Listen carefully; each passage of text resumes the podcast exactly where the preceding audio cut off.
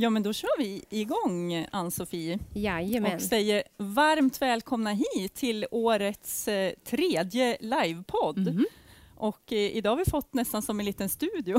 Ja, ett eget hus här ja, i fyren. precis. Ni som lyssnar kan inte se det, men det, det är väldigt fint dekorerat här med, med vårkänslor och, eh, och så. Ja. Och vi som arrangerar det här, det är Hudik City och Hälsinglands Sparbank. Och det gör vi idag tillsammans med varubolaget och eh, HNA. Ja, Hudiksvalls Näringslivs AB. Ja, det kan vara bra och, Mm. eh, och förtydliga det. Eh, och jag tänkte på det, det här med live kan ju på ett sätt vara lite missvisande, men, ehm, för vi har fått frågor, Åh, kan man lyssna live när ni sänder? Eh, tyvärr är det ju inte så, utan livet sker här och så spelas det in och det är väl liksom egentligen det som blir själva podden. Och det kommer man komma åt via våra sociala medier. Mm. Hudik City och eh, Hälsinglands Sparbank Precis. kommer det att, att finnas. Så, så så blir det med, med lajvandet. Men extra välkommen till, till er som är på plats live också. Det blir mycket roligare då när vi Ja. har lite... Och det här är ett Publik. försök för att eh, prova saker i centrum så vi får fler besökare så att våra butiker mår bra och att det händer lite nytt. Precis. Ja. Det har ju du varit föregångare, Ann-Sofie. Ja, men Eh, detsamma. Anna-Karin. Precis, sitter vi här och bo boostar varandra. Ja. vi har ju haft två tidigare gäster. Några av er var med och lyssnade också. David J.P. Phillips Mhm. och Magdalena Forsberg. Och idag har vi en väldigt spännande gäst som vi tycker är väldigt roligt att ha här. Med mycket superlativ. Men eh, vi ger en stor värmande Glada Hudik-applåd till Annika R. Malmberg. Varsågod. Ja. Vad fint! Du har fått som en, en liten tron Ja, här. men det var inte dåligt. Jag kom högre än er Ja. Ja, men Ja. det- Det är meningen. Det Det är njuter inte jag av. svårt. Du Ja. är längre än oss eh, överhuvudtaget. Så ståtlig Ja, och, ja. och, och snygg. Tack. Eh, Jag måste få vara lite nyfiken och börja fråga mig vad, vad r i ditt namn står för.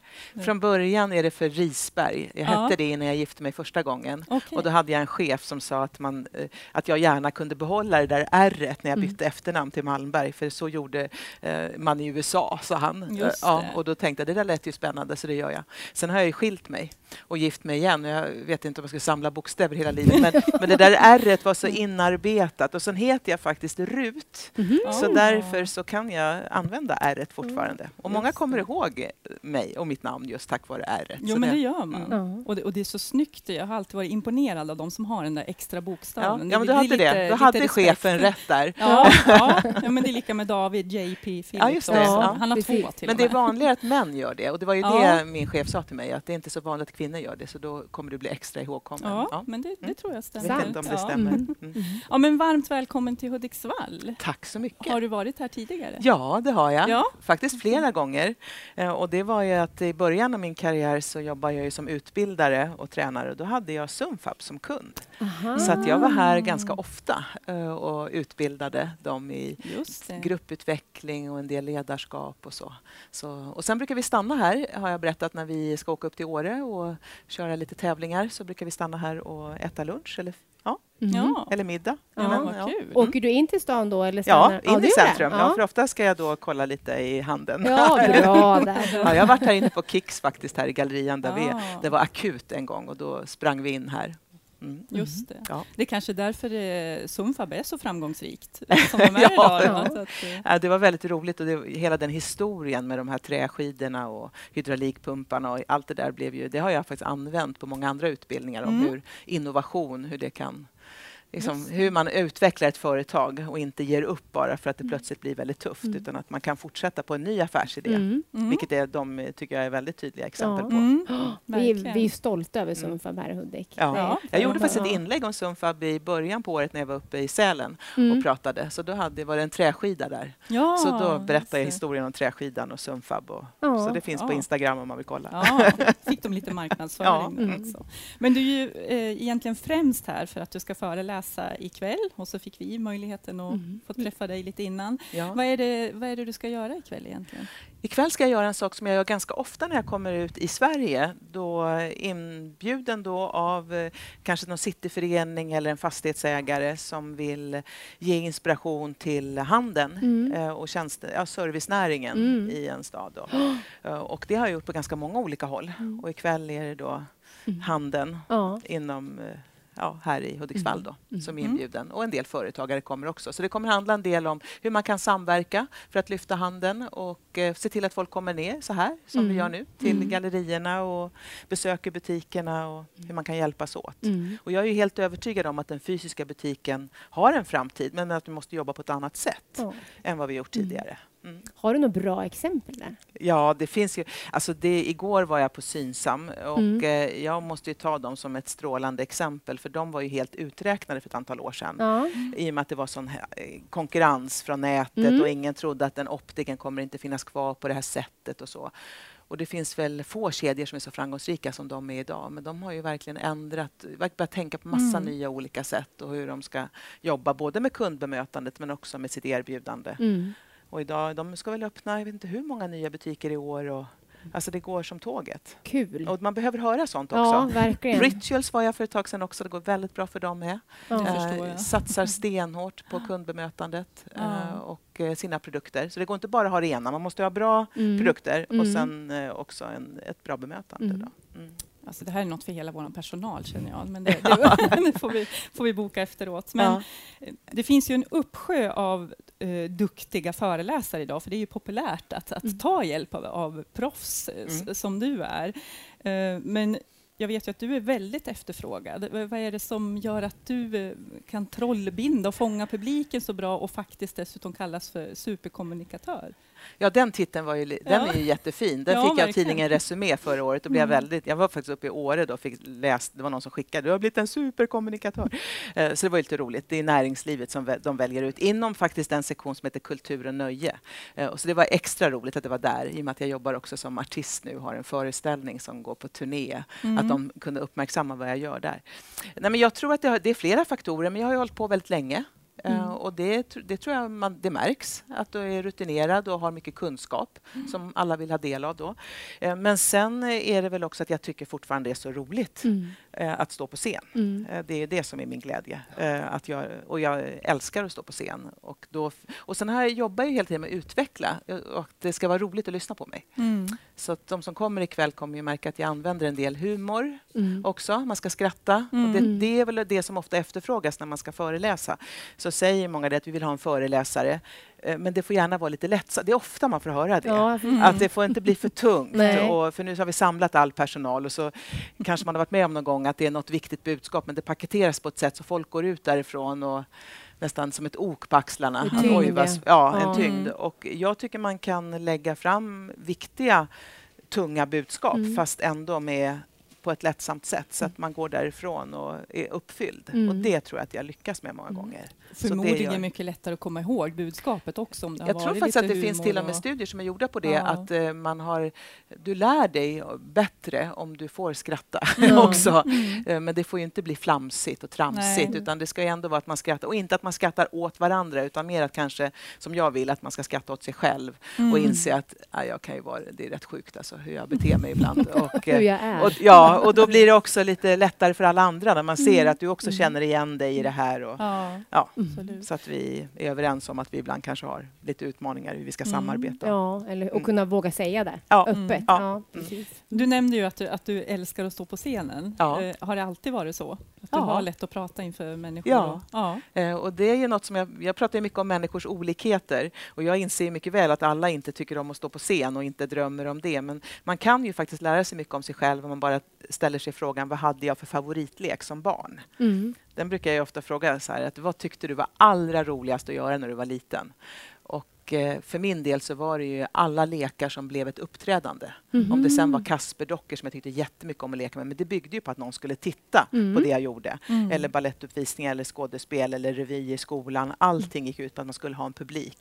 Och när vi lekte med kompisar skulle det bli något uppträdande, någon uppvisning på något sätt. Så att, och det säger ju en del om att jag gillar strålkastarljuset. Mm. Och då har- valde jag väl rätt yrke då. Men jag, det har ju inte varit lätt i början. Jag var ju så nervös. Eh, och eh, de första år, jag började ju som säljare på ett utbildningsföretag och sen fick jag ju hålla kurser ganska snabbt för de såg att jag tyckte om det där, spelat mycket teater, så Mm. då ställde de mig upp på scen innan jag ens hade jobbat ett år. Och jag var så nervös, alltså Mm. jag var så illamående och jag ville liksom sjukanmäla mig varje morgon.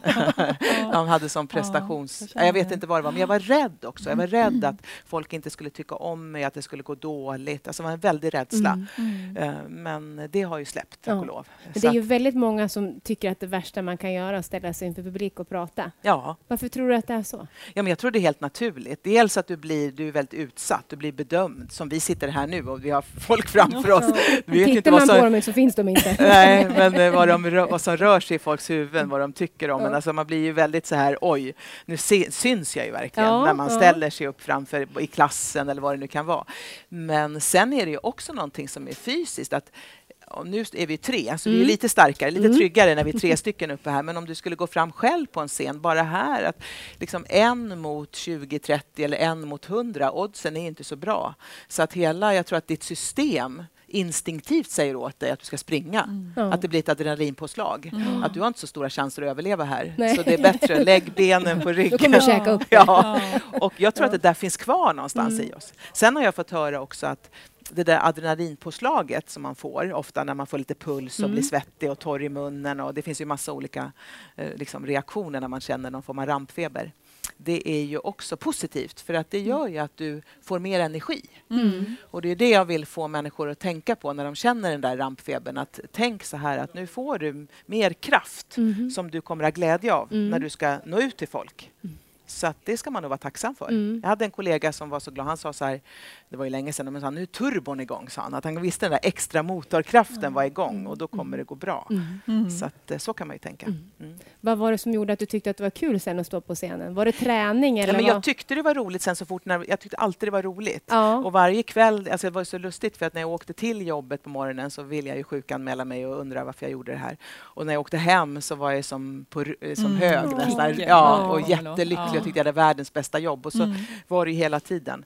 Och sen insåg jag ju att det går ju bra. Mm. Eh, och visst, i början får man ju svåra frågor och det var ju läskigt om man inte kunde svara på dem. Idag tycker jag bara det är roligt när jag får svåra frågor. Mm. Men det har väl också att göra med att det har gått över 30 år. Ja. Mm. Så att nu, liksom, ja, och då är det, det är helt okej att säga ibland att vet du vad, det där kan inte jag svara på. Mm. Det var ju läskigt att säga när man är ung, men Ja. idag vet man att man har rätt att säga det. Du Ja. kan inte ha svar på allt. Nej, Eh, och det är också en trygghet. Ja.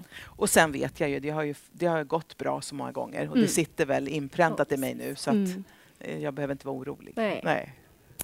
Du är ju en relationsexpert. Ja, Ja. Men vad innebär det? att jag har, jag har bestämt mig nu för att mitt fokus ska ligga på relationer och då tycker jag om att spänna bågen högt genom att säga att då ska jag vara expert på det här så att det blir också för mig en utmaning, Mm. att jag ska vara väldigt bra på det. Eh, Men det in, och då måste jag ju anstränga mig och, och liksom lära mig mycket också. Men jag, jag har jobbat i, vad är det, kanske 25 eller 26 år snart med just det här med olika verktyg som beskriver människor och hur olika vi är. Eh, Och eh, då har jag blivit fascinerad över det här hur man kan faktiskt jobba med människor att öka förståelsen för att relationen ska bli bättre. Och att jag inte kan göra om någon annan. Det tror ju många att man Ja, kan. särskilt hemma. Ja, eller hur? Där är många väldigt optimistiska och tjatar om samma sak liksom, i 30 år kanske och tänker att någon gång så ramlar polletten ner. Ja, men, men men, eh, man går och det, hoppas Ja, men det gör ju inte det. Utan Vi är olika och det är också en poäng i det. Mm. Att vi kompletterar varandra Mm. och det är bra.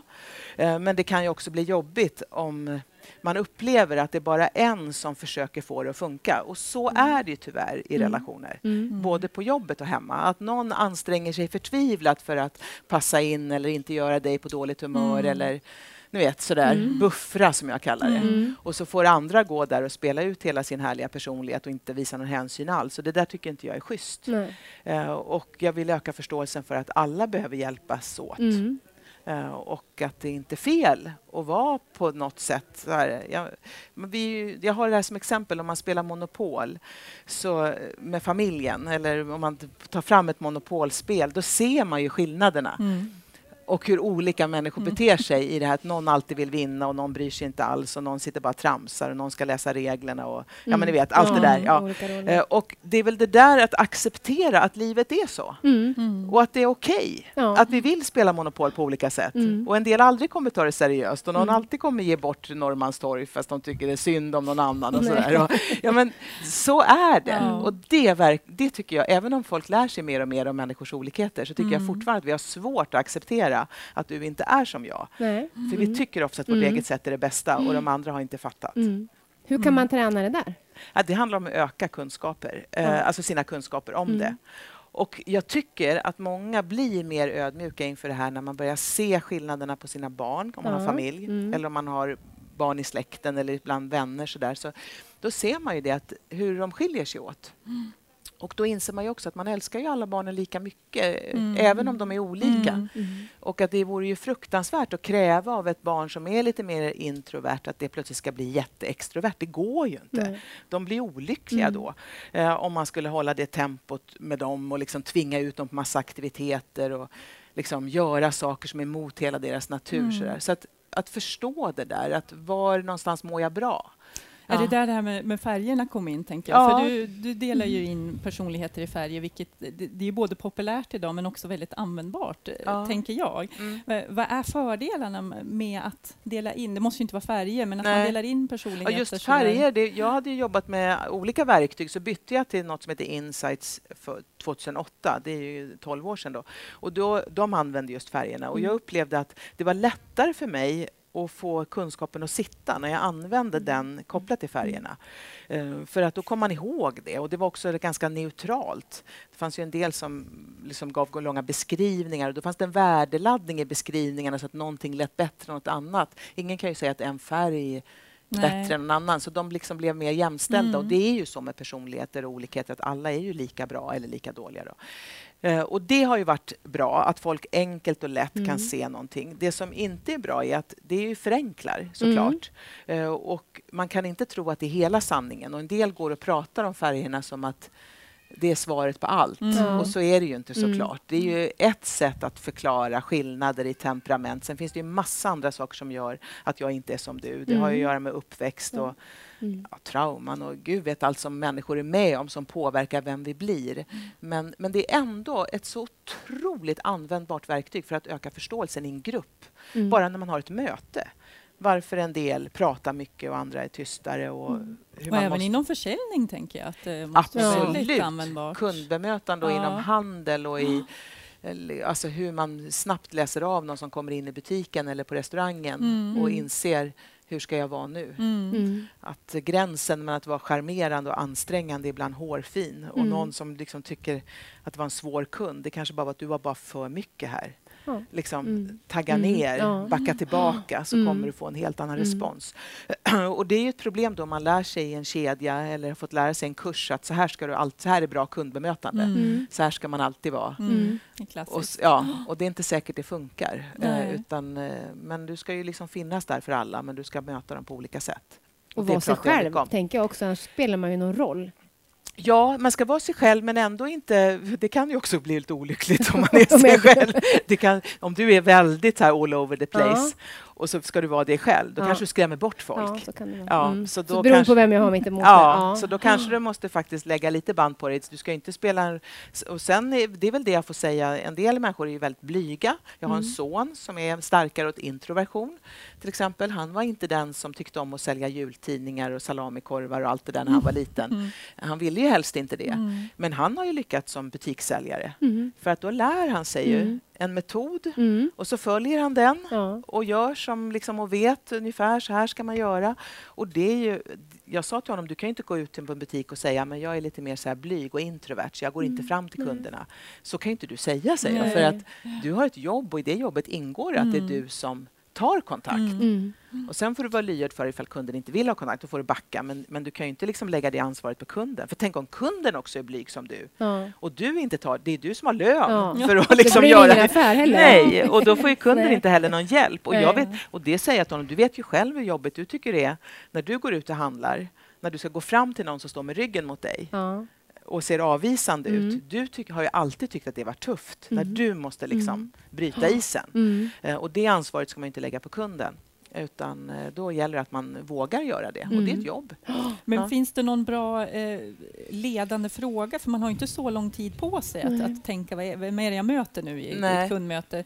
Har du något tips på någon fråga man ställer då för att ganska snabbt Ja, men jag ser en så här enkel grej. Det är klart inte liksom eh, helt vattentätt, men så här, om, om en kund kommer in i butiken eller i min café eller restaurang och direkt söker ögonkontakt med mig Mm. och kanske till och med ler Mm. så där lite, ser som att jag Mm. vill visa att jag, jag är här nu eller jag vill bara vara trevlig för jag, jag är en sån person. Då ska ju du alltid bara le tillbaka, säga hej och liksom, vad kan jag hjälpa dig med eller Mm. välkommen hit och vad kan jag göra för dig idag? Någon sån här öppen fråga. Mm. Det är helt rätt. Det är Mm. precis så man ska göra. För man kan till och med om de är väldigt sådär, liksom, tar lite plats när de kommer in, då kan man liksom också spela ut det kortet jättemycket så här, åh, välkommen, Ja, så här, du vet. Men eh, om det är någon som undviker att titta dig i ögonen Mm. och till och med nästan ser ut som att de inte vill att du ska se dem, Nej. för så kan ju en del vara, Mm. de säger till mig, jag vill inte att någon går fram. Och du verkligen, de vill liksom inte, jag är här och jag vill sköta mig själv.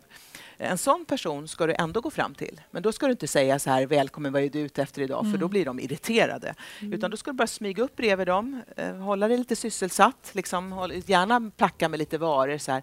Och sen precis när du går fram, nu plockade jag, det hör, ser ju inte de som lyssnar nu, men jag plockar lite Ja. med varorna här. Ja. Alltså, håller mig Ja. lite och så bara i förbifarten säger jag till dig så här, och du säger bara till när du vill ha hjälp. Mm. Ja. Och vill du ha hjälp så finns jag här. Mm. Du Bra vet, så att man liksom...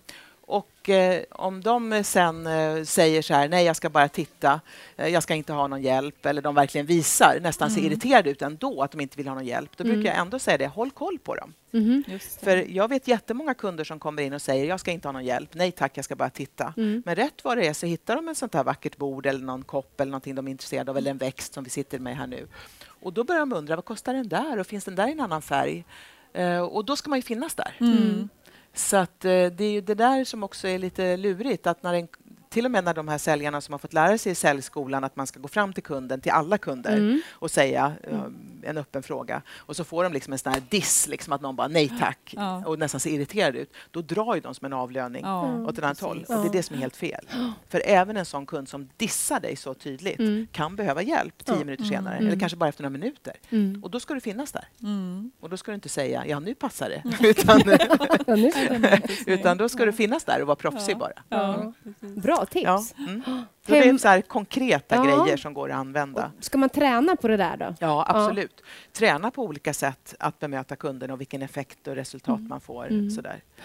Eh, sen kan man ju råka ut för det som min dotter, eh, det hände henne. Hon skulle börja in i Gallerian i Stockholm då där hon hade plötsligt eh, massa män som också skulle komma och handla skor. Och hon hade ju bara jobbat i en skobutik med dam, fick hoppa in i en annan Mm. butik. Och sen kommer det fram, hon går fram till en man då, första dagen på jobbet så här, och bara säger så här, "Och vad är du ute efter idag? Så här, jätte, ja, 22 år, stort lockigt hår och ler, liksom säljteknik. och Väldigt han, öppen fråga. Väldigt öppen fråga och öppet mål skulle jag säga, för att han vet precis vad hon gör. Ja. Han är väl antagligen själv säljare och märker och så han bara liksom lutar sig åt sidan och säger så här, en ny kvinna. Ja. Ja. Och, eh, och hon bara berättar för mig hur hon blev alldeles bara röd i ansiktet på halsen och visste inte vart vägen. Men då säger hon så här, då tycker jag vi ska titta på både på fötterna. För är det någonting vi kvinnor kollar på så är det vad män har för skor. Bra! så. Och då, eh, ja, sen lyckades hon sälja två par skor till honom. Ja. Och det är väl Mm. också det där att inte bli rädd även om Nej. någon latchar tillbaka. Ja. Och det Mm. vet jag många tycker är jobbigt ibland som säljer Mm. om man möter någon som kan sälja. Mm. För de kan ju säga så här, "Ah, vad kör du nu? Kör du tratttekniken? Eller hur? det, nu, kör du, nu försöker du bara sälja. Mm. I de lägena ska man ju aldrig mörka det. Då ska man ju bara säga, ja visst, jag säljer. Frågan är, ska du köpa? Jag säljer för det här är bra grejer som vi har här. Ja. Men vi, jag vet ju inte om du vill ha. Ska vi ta reda på det? Ja. Ja. Och så bara inte backa för att Mm. skämmas för att man Nej. säljer. För det är självklart. Mm. Själv, varför skulle jag annars stå här om jag inte sålde? Nej. Det verkar ju jättekorkat.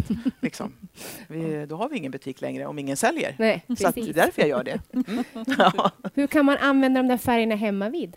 Åh, sin- de är jätteanvändbara. Är de ja, det är verkligen. Ja. Då kan bli mycket, mycket trevligare hemma Ja. om man lär sig mer om våra olikheter och börjar prata om det. Mm. Så.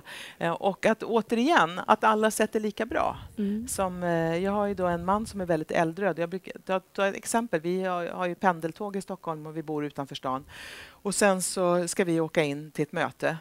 Och så går han rakt igenom den här slussen där och jag börjar upptäcka att jag hittar inte mitt kort. Och sen ska jag ta fram telefonen så jag börjar fippla liksom för då måste jag ju köpa en biljett och det tar lite tid. Då när jag kommer igenom spärren, då har han åkt med tåget. Eh, Då har han liksom gått på tåget Ja. och åkt in. Ja. För att Han ork- trodde du var med? Nej, han orkar inte vänta. Liksom. Och det där, om, man, om inte jag vet hur, att min man är sån, han kommer ju vänta där inne eller så går han upp till kontoret. Jag vet vad han är. Han är inte sur, han är inte arg. Han, bara, han Nej. orkar inte, I det här Nej. läget orkar inte han vänta. Eh, och, eh, men har jag inte koll på det så skulle det där bli världens trauma. Det skulle Mm. kunna bli orsak till världens gräl. Och jag vet fortfarande när jag berättar den här historien, att jag säger åkte han bara? Han är inte klok. Nej, men jag, tyck, jag tänker inte så. Jag Nej. tänker bara att det blev jobbigt för honom. Alltså, Ja. han bara undrar vad håller de på Ja. med? Eh, och sen, han vet ju att det går ett tåg efter fem, sex minuter igen. Så att, ja. Du kommer efter? Ja, jag kommer efter och vi kommer hitta varann och det är lugnt. Liksom. Men han pallar inte att stå och missa tåget. Det gör ont i kroppen på honom. Om han har kommit igenom och tåget är röd. Ja, han har väldigt mycket av det där i sig. Ja. Och den förståelsen. Sen finns det ju andra situationer när jag inte skulle uppskatta om man bara drog. Och det vet ju han också. Så Mm. det gäller ju att välja sina strider och förstå liksom, varför människor gör som de gör. Eh, och att det finns en fördel med att ha en person som är ganska äldre också. Om någon är dum mot mig så är han Mm. där och backar upp mig till 110 procent. Han skulle aldrig vika ner sig i en, liksom, i en konflikt eller, eller ställa upp för någon som är svagare eller någon är dum mot någon. Och det är många som också upplever i skolan om man har blivit mobbad eller så. Då är det rätt bra att ha ett syskon eller kompis som är, har lite äldret i sig. Man ska inte säga att någon är äldret, för man är ju inte bara en färg, man har ju alla färgerna i sig. Men att någon som har lätt för att använda äldret. Mm. Det kan ju vara en otrolig trygghet också. Mm. Att Absolut. inte bara ha folk som springer och gömmer sig när det Nej. blir lite tufft. Mm. Så att, eh, nej men, och det ö- överhuvudtaget förstå att en del vill ha väl, i en familj till exempel, att en del är mer sociala Mm. och tycker om att umgås och bjuda att kompisar ska komma hem och ta med kompisarna liksom, och vi ska ha middagar och så. Och är du då inte lika social och kanske lite mer åt introversion, då kan det vara väldigt jobbigt. Mm. Absolut. Framförallt om man haft en tuff dag med jättemycket Ja. människor omkring sig så kommer man hem och ser hela huset fullt Mm. och ska, vi bjuda, ska de äta med oss idag? Liksom? Mm. Att, och så säger men var inte så tråkig, liksom. kanske den andra säger då. Att precis. förstå att de inte är tråkiga, det är bara så jobbigt för dem att Ja. ställa om. Det blir en ansträngning. Ja.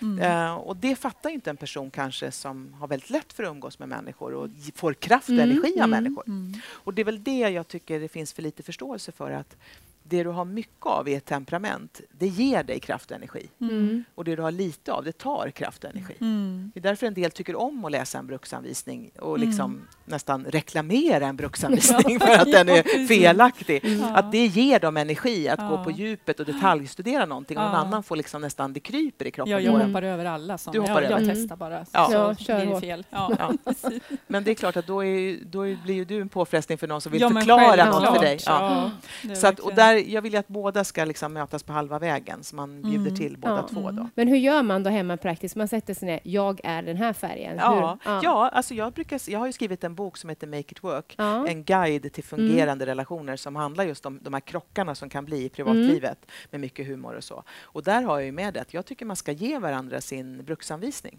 Mm. Och det kan man ganska lätt göra efter att ha läst den boken. För då Mm. liksom blir det så tydligt. Sen kan man säga det att jag upplever mig så här och då vill jag bara tala om för dig om vi nu lever ihop eller du är mitt barn och jag är din förälder eller tvärtom. Du är min mamma och jag är ditt Mm. barn. Liksom att jag blir glad när du gör så här. Mm. Eh, Och jag blir inte så glad när du gör så där. Och sen kan man också lägga till och säga att jag behöver, jag vill gärna ha det där av dig. Mm. Alltså jag skulle Mm. behöva att du ibland sa tack eller Mm. att jag är fin eller att det var duktigt gjort av mig att plocka undan eller vad det nu är Mm, för någonting. mm. Och sen kan man säga så här, men jag kan ju också vara så att jag kan säga att jag behöver inte ha ett tack eller att du alltid pysslar om mig. Nej. Alltså det kan vara åt det hållet Mm, också. Ehm, och ehm, det finns ju ett exempel i boken som är, kommer från, det är ett riktigt case då. Men då är det en man som kommer upp, eller han sitter framför tvn på övervåningen och så kommer hans hustru upp med en kopp te Mm. och sätter sig bredvid honom i soffan och frågar vad tittar du på? Mm. Och han blir ju sur direkt. Och sen ställer han en så kallad kodad fråga som jag beskriver i boken, det här att vissa människor är ju arga men de säger inte vad de är arga på. Men då säger han så här, har du gjort te? Mm. Ja, det ser ju han. Mm. Det är ju egentligen inte det han frågar. Utan han undrar ju såklart, var är min kopp te? Ja. Men hon fattar inte det. Nej. Utan hon bara svarar, ja, säger hon, vad kollar du på? Liksom. Hon bara, Mm. jag har gjort te. Och då blir han så här, ja, men gjorde du bara till dig? Då måste han ju liksom Ja. förklara så här. Och hon bara, ja, skulle du också ha? Ja, men gå ner och gör en kopp te. Ja. Åh! Så hon blir ju jätteirriterad. Varför sitter du och surar nu? Liksom? Mm. vad är problemet? Och då går han ner för trappan och så, så pratar han för sig själv. Så säger han här, problemet är att jag alltid gör en kopp te till dig, men att du skulle göra en till mig, det är tydligen helt... Alltså han är ju så här då. Mm. Ja. Eh, Och i det här fallet när man sen pratar med hustrun så visar det sig att hon är så jädra trött på att hans man alltid ska pyssla om henne. Hon behöver inte alltid det. Nej. Om han Nej. vill ha en kopp te, kan inte han göra en till sig? Mm. Eller om han vill göra en macka, gör till dig, ät din macka. Du behöver inte göra en till mig alltid också. Alltså han, hon tycker ibland det blir för mycket Ja. kuddar i soffan, Ja, som jag säger. ja, Ja, ja. Och då kan det vara hennes sätt att tala om för honom att vi kan sköta om oss själva. Mm. När hon gör en... Mm. Alltså det, och så blir det så fel. Ja, det blir fel, ja. Det blir Ja, precis. jättefel, för han blir ju ledsen och hon Ja. blir frustrerad.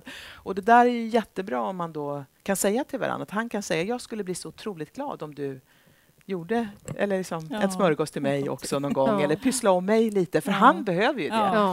Eh, Och, kan, och han behöver däremot inte göra det till henne. Nej. Mm. Alltså, och det blir ju då konstigt, för då ska de göra tvärt emot sin Ja, egen. Men det är ju det man ja. gör av kärlek Mm. till Ja. den andra. Mm. För det vanligaste felet i relationer, både hemma och på jobbet, är att Mm. man ofta ger till andra det man själv vill ha. Ja, exakt. Det Ja. där känner man ju igen. Ja. Och hur många Ja. överraskningsfester har man inte hört talas om som en person med mycket solgult har gett bort till sin mer introverta man eller tvärtom då. Vilket kan bli en ren Mm. katastrof för de vill Mm. inte ha en överraskning. Det är det värsta de vet. Ja. Och Mm. jag tror bara att det är det bästa man kan få. Ja. En eller överraskningsdag, Ja, jag blir liksom. jätteglad själv. Ja. Ja. Det. Men det är inte alla som, en del blir nästan förelä... Alltså de tycker det är hemskt. Eh, Det är det värsta de vet. De blir så stressade liksom, Mm. från morgon till kväll. Och även på jobbet då när någon ordnar någon rolig aktivitet för arbetskamraterna Mm. och det ska Mm. vara hemligt. Mm. Och hur stressade en del blir över det. Eh, och nästan då vill förstöra genom att liksom få reda på. Mm. Mm. Förstör inte. Liksom. Nej, men det är inte det. Jag bara... Ja. Mm. Att vi är olika. Vi är olika. Och det är så otroligt intressant Mm. det här. Man skulle kunna prata hela kvällen Ja. eh, om det här. Och du, och du spänner ju över så många områden. Du har ju väldigt mycket kunskap om mycket. Det är därför Mm. man vill eh, fråga så många Ja. olika frågor. Eh, och jag har ju lyssnat på dig i olika poddar och bland annat Framgångspodden eh, Just det. som du var med. Alexander, ja. Ja, och, och jag tänkte, för jag, jag ser ju dig som en framgångsrik person. ja. Men, men vad är egentligen framgång för dig och varför är det så viktigt i Sverige idag? Och, i, och samtidigt kan jag tycka det är lite motsägelse det här med framgång. Det är mycket prat om det. För får man vara framgångsrik i, i Jante Sverige? Är Ja. okej? Ja, alltså det som jag har, jag har haft en föreställning som heter Framgång och det var ju rätt provocerande. Det var många som inte ens vågade köpa biljetter till den för de trodde det skulle vara något sånt där frälsnings... Mm. Ja, nu ska du bli framgångsrik. Ja. Men den handlade just om det här att framgång för mig kan vara något helt annat än för Mm. dig Mm. och det är okej. Mm. Att vi, någon kan definiera framgång som att jag kan gå hem från jobbet klockan fyra och vara med mina hundar eller Mm. mina barn. Och det är ett liv som är väldigt rikt för mig. Mm. Medan någon annan, för dem mäter de framgång i pengar eller följare på sociala medier eller... Ja, inte Ja. det är det vanligaste, att det är mer de bitarna Ja, vi- så kan man ju se det. Men jag vill att man ska definiera... Det viktiga är att man inte ljuger för sig själv, så det blir en ursäkt. Att jag egentligen vill något annat, men så hamnar i en försvarsmekanism som säger att jag är nöjd med det här Mm. lilla livet. Eh, Och för vissa är det lilla livet eller det här liksom mer hemma. Och det är det som är viktigt för mig. Och då, det är så bra man vet det. Mm. Och då ska man inte sträva efter någonting annat och ha en ambitionsnivå som är... För då blir man ju bara olycklig för att man strävar efter något som man egentligen inte vill ha. Mm. Men det finns ju också ganska många människor som egentligen vill något mer Mm. men som inte vågar misslyckas. Eller in, Mm. det är lite, och det är också jobbigt i Jante Mm. Sverige. För Mm. om man då testar något i en lite mindre Mm. stad och spänner Mm. bågen och så går det inte så bra, då Nej. står ju alla där. Ja. Mm. Och det kanske man inte vill riska då. Och så gör man inte de där sakerna som man drömmer om. Mm. Och det tycker jag är sorgligt. Så att jag Mm. vill ju få människor att våga te- liksom, testa och liksom, har du någon dröm, Mm. varför kan du liksom, prova då? Mm. Hur ska du ta dig dit? Och våga liksom misslyckas också. Men idag kallar jag mig inte längre framgångsexpert, jag är mer åt relationsexpert. Men jag har ju Mm. haft den titeln ganska Mm, länge. mm. Eh, Men jag bytte väl egentligen i, i, faktiskt i höstas och tänkte det Okej, att ja, för att eh, jag inte vill skrämma bort folk heller. För det blir en del som blir jätteskrämda och tror att jag Ja, pratar om någonting Det annat än vad jag ja. gör då. Ja. Men jag tycker ju fortfarande att... eh, Och jag är också den som... Jag har skrivit en bok som heter Tändvätska som kommer som en ny version nu i vår. Och den handlar ju också om det här att hitta din glöd. Liksom. Vad Mm. får dig att Mm. känna motivation och glädje? Och det handlar många gånger om att anstränga sig eh, också. Mm. Och det, jag vill ju att det är inte farligt att anstränga sig. Och det kanske man måste prata om idag när det finns så mycket psykisk ohälsa och man Mm. vet att människor är utbrända eller ja, utmattade. Och har för mycket krav på sig och då kan man tro att det är farligt att ta i, men det är det ju faktiskt inte. Mm. Det kan vara farligt att inte ta i. Mm. Men det viktiga är att kunna lyssna på kroppen och förstå när det Mm. blir för mycket. Mm. Men, och att våga kämpa för något. Mm. Och att föräldrar ska kunna ställa krav på sina barn. Mm. Det är det jag menar också att om du har ett introvert barn, det är inte så att du då bara ska säga oj, då får du vara hemma hela tiden. Mm. För det funkar ju inte. Nej. Livet består ju av Mm. kontakter med människor. Mm. Ett sånt barn behöver man ju hjälpa ut, men inte liksom att man säger till dem att de ska liksom Ja, liksom erövra världen, men man får ta små steg Mm. och ändå få dem att våga. Ring själv till fröken och säg det här nu när du Mm. får ringa. Nej, men jag Ja. vill att du ringer till tränaren Ja. och säger att du är sjuk. Ja, men du kan ringa mamma. Mm. Nej, jag vill att du... Alltså Mm. ändå. Mm. För det är det som kommer vara livet sen. Ja. absolut. Förbereda Men att jag förstår att det är jobbigt för dig så jag inte Mm. blir irriterad. Bara för, vågar du inte Mm. ringa tränaren? Mm. Eh, Bara för att jag tycker det är lätt. Mm. Men jag förstår att det är en Mm. jättegrej för dig. Mm. Men eh, nu tränar jag dig det. Mm. Och sånt tycker jag, att liksom med värme och kärlek hjälpa människor ut och Mm. pröva nya saker. Mm. Och hur mycket man växer av det. Ja. Jag stod utanför Kalmar slott och såg några såna små barn. Eh, Jag var ute och jobb, sprang då, och tränade nu och så, och så går de med så här reflexväst så här, Mm. och balanserar och ska försöka gå hela vägen utan att hålla en ledare i handen. Då. Och Mm. sen så när man stod, jag var tvungen att stanna och titta på de här barnen för det är så underbart. Man ser sen när de, de ramlar ner så börjar de om och så testar och Mm. testar. Och sen när de har kunnat gå hela vägen, hur det glittrar. Ja. I ögonen. Ja. Och det, det är det där glittret jag vill att Mm. vi ska se lite oftare, när man Mm. klarar något. Mm. Och ni som har den här underbara filmen Catwalk.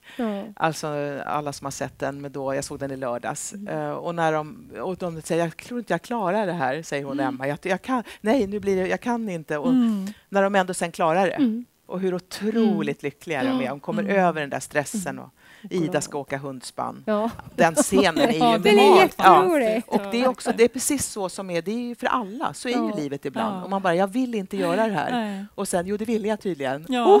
Ja. ja, och då är det ju det med ansträngningen. Ja, som du var att man vågar att, test, eh, utmana ja. sig själv. Men att jag förstår att ibland blir steget... Ibland kan det vara för tufft att åka hundspann. Mm. Nu gjorde Ida det, men det var ju på gränsen där. Ja. Ja. Så Hon tänk- det. Ja, hon klarar det. Men det är Ja. att förstå Ja. att ibland får man kanske inte pusha för hårt, men att människor ändå mår bra av att Mm. övervinna Mm. de där rädslorna. Eller, mm. Ja. Du, du gör ju så otroligt mycket Ja. ja, alla plan. Hur, hur, eh, jag tänker på ditt liv och stress. Ja. Känner du stress? ja, inte nu. Eh, jag tog massage för ett tag sedan när jag var på skrivläger och då sa massören att du är inte stressad. Då tänkte jag, och det var var finaste betyg jag fått. Det kan Ja. de tydligen känna när de masserar ryggen, så här, nacken. Nej, det var Ja. inte stressad. Eh, nej, men idag är jag inte så stressad. Jag, jag kan säga när barnen var små, Mm. då upplevde jag stress. Mm. Eh, på, då tyckte jag att det var ett otroligt jagande mellan hämta på dagis och Mm. förskola heter det idag, men då Mm. hette det dagis och liksom med jobbet och de blev sjuka. Och, det, och man jobbade heltid. Mm. Mm. Det är livspusslet. Ja, och precis. ekonomin var tuff Mm. då. Vi Mm. hade jättetufft att få ihop ekonomin. Så då tycker jag, var, idag, nu är det jag och min man och två hundar. Vi har det hur bra som helst. Ja, och så kan ni varandras färger. Ja, ja vi blir inte Det är så arga bra. på varandra. Nej, men så det tror jag underlättar. Och med facit i hand kanske jag inte hade jobbat eh, när jag tänker på det då, att det var, jag stretchar mig rätt hårt då. Ja, jag Ja. gjorde det. Ja. Eh, Den, de, Mm. Vissa år där. Mm. Eh, Men ja, Mm. så att det är ju, allt det går ju i faser i livet också. Liksom, Mm. Att man kanske kan vara lite lyhörd för det. Ja. Vad, Mm. vad vill jag nu?